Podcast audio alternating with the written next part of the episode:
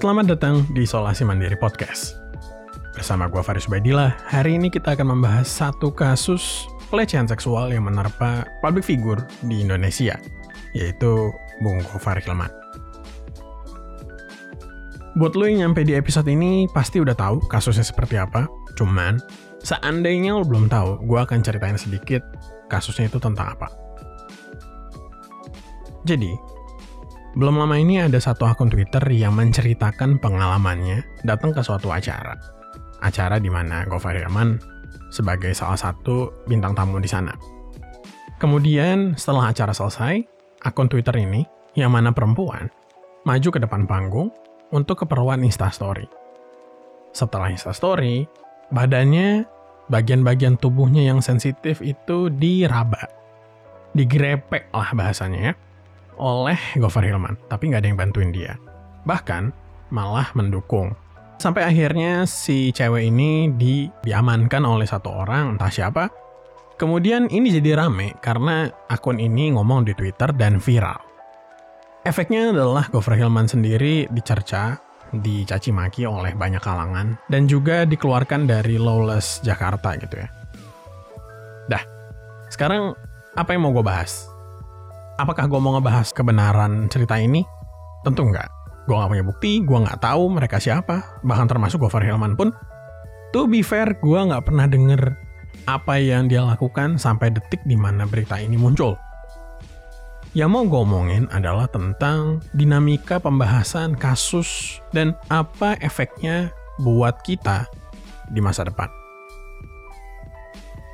Yang pertama yang pengen gue soroti adalah alasan kenapa kasus ini diceritakan melalui Twitter. Kebanyakan dari kita itu mikir bahwa zaman sekarang itu kalau lo mau diperhatiin sama pihak yang berwajib, kasus lo harus viral. Barulah kasus itu tuh diusut. Nah, tentu kenyataannya nggak gitu ya, karena kita tahu bahwa polisi itu banyak kerjaannya, dan nggak cuma yang viral yang diurus kita tahu sama tahu bahwa tindakan kriminal itu terjadi setiap hari dan mereka sibuk untuk ngurusin itu. Kalaupun memang ada beberapa oknum yang lo nggak suka karena kelakuannya itu tuh tidak mencerminkan oknum polisi, itu hanyalah oknum. Gue sampai sekarang masih berpendapat seperti itu. Kalau jumlahnya banyak, gue nggak bisa ikut campur karena gue nggak tahu berapa persisnya yang disebut sebagai oknum. Nah, tetapi kita punya paham yang viral doang yang diurus karena memang kalau udah viral, pengurusannya pun viral juga. Polisi harus ngelakuin konferensi, eh, muncul di banyak berita. Otomatis kita ngerasa bahwa ini akhirnya diurus. Yang lain enggak gitu kan. Nah, dengan pemikiran seperti ini wajar jika seseorang punya kasus abis itu dia pengen viral supaya kasusnya diurus. Fine. Tetapi kalau misalnya ngomongin sesuatu hal yang viral, begitu sudah viral, to be fair, nggak ada yang bisa ngontrol efeknya kayak gimana. Alhasil ada juga, walaupun nggak banyak ya, pihak yang nggak suka sama yang mengaku dilecehkan oleh Gofar Hilman. Orang-orang yang nggak suka ini menyoroti ya banyak lah ya. Yang pertama, akun Twitter ini dituduh sebagai akun yang mau pansos, mau terkenal, mau famous. Sebuah tuduhan yang rasanya sudah nggak asing. Kemudian ada juga orang yang mengatakan bahwa kok ini udah lama baru diomongin sekarang, ada apa nih? Karena kasusnya berdasarkan penuturan si akun Twitter ini juga udah tahun 2018, baru diomongin tahun 2021. Nah yang terakhir, ada pesan yang disampaikan oleh si cewek ini. Intinya yang dia pengenin dengan viralnya cerita ini adalah nggak ada lagi korban di masa depan, kemudian supaya Gofar Hilman untuk merubahlah sikapnya dan meminta maaf kepada korban-korban selain dia yang pernah dilecehkan juga. Sebelum gue lanjutin, gue harus garis bawahi dulu bahwa ini semua masih berupa tuduhan. Tidak ada bukti otentik yang menggambarkan kejadian ini terjadi. Terlepas dari banyaknya orang-orang yang mengaku kejadian yang sama pernah terjadi ke mereka. Karena bohong itu tuh lebih gampang daripada jujur. Dan pada saat lu ngomongin internet, trolling itu lebih menyenangkan daripada lu jujur. Mungkin lu berpikir sebagai orang yang baik yang dengerin podcast ini, emang ada ya orang yang tega buat ikut-ikutan cerita kayak gini demi ngejatohin orang lain yang dia nggak kenal. Emang bisa ya manusia sebangsat itu? Well, jawabannya bisa. Karena kebanyakan yang trolling itu anak kecil. Anak muda yang edukasinya itu tidak begitu baik.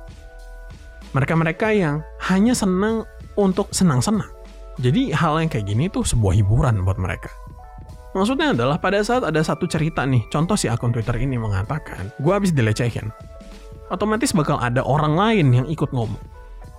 Gue juga pernah, gue juga pernah, gue juga pernah. Kalau semuanya benar, nggak masalah. Tetapi problemnya adalah, sekarang kasusnya nih ya, Gofar Hilman mau bawa ini ke ranah hukum. Pada saat ini di bawah ke ranah hukum, akan dicek juga dong keaslian dari statement-statement Twitter-Twitter ini yang seragam. Pada saat dibawa ke ranah hukum, komen-komen yang seragam bahwa mereka pernah dilecehkan itu akan dicek semua. Bukan cuman komen utama, walaupun yang lagi diusut kasusnya adalah komen utama. Nah kalau misalnya ketahuan nih, salah satu dari komen dukungan itu ada yang bohong, sementara komen utamanya itu nggak punya bukti yang kuat mendukung omongannya dia, maka di kacamata hukum yang utama yang mungkin terjadi beneran itu bakal runtuh seruntuh-runtuhnya. Karena dianggap sama. Karena dilakukan di platform yang sama. Dan lu boleh ngomong bahwa ah, tapi gimana lagi kalau misalnya nggak kayak gini, nggak akan diurus nih kasus. Indonesia tuh kan lu tahu sendiri hukumnya kayak gimana. Karet yang kuat, yang punya duit, yang berkuasa. Yang mana mungkin gue setuju, mungkin gue nggak. Mungkin lu bener, mungkin lu nggak. Gue nggak tahu kepastiannya seperti apa. Tapi yang jelas, apa pun pendapat lu, lu tinggal di Indonesia, artinya lu mau nggak mau ikut hukum Indonesia dan bagaimana proses hukum ini berjalan di Indonesia. Sehingga strategi lu harus disesuaikan di mana tempat lu berperang. Nah, ini yang gue bilang akan mempengaruhi bagaimana cara kita itu melihat hukum dan juga bagaimana kalau misalnya kasus itu tuh terjadi di diri kita. Bagaimana sebaiknya kita itu tuh menyikapi kasus seperti ini. Gue akan ngomong belak-belakan, kalau gue temen deketnya si akun Twitter ini, dia adalah teman deket gue dan dia cerita ke gue baik gue mau ngomong di Twitter gue udah nggak bisa gue harus ngadepin trauma gue ini nih satu hal yang akan selalu gue ulang ngomong ke dia adalah, yakin lo, lo loh yang ntar yang kena. Bukan gue nakut-nakutin dan bukan gue pengen yang jahat berkuasa. Tetapi sebagai temen, gue nggak punya kuasa buat bantuin dia lebih dari sekedar moral support. Problemnya, gue nggak tahu moral damage yang akan dia terima sebesar apa kalau lu bawa ini ke internet segede-gedenya support gua mungkin nggak cukup buat nanggulangin damage yang dia terima. Ibarat main game, gua level 10 healer, yang lo lawan level 50 bos, sekali gebuk lo mati. Gue bisa nge-heal berkali-kali pun, gak akan mempan. Jadi kayak, mikir dulu. Yakin.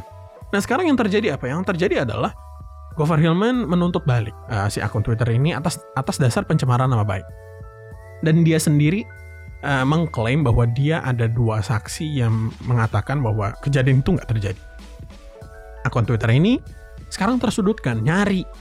Ada nggak orang yang bisa mau jadi saksinya dia?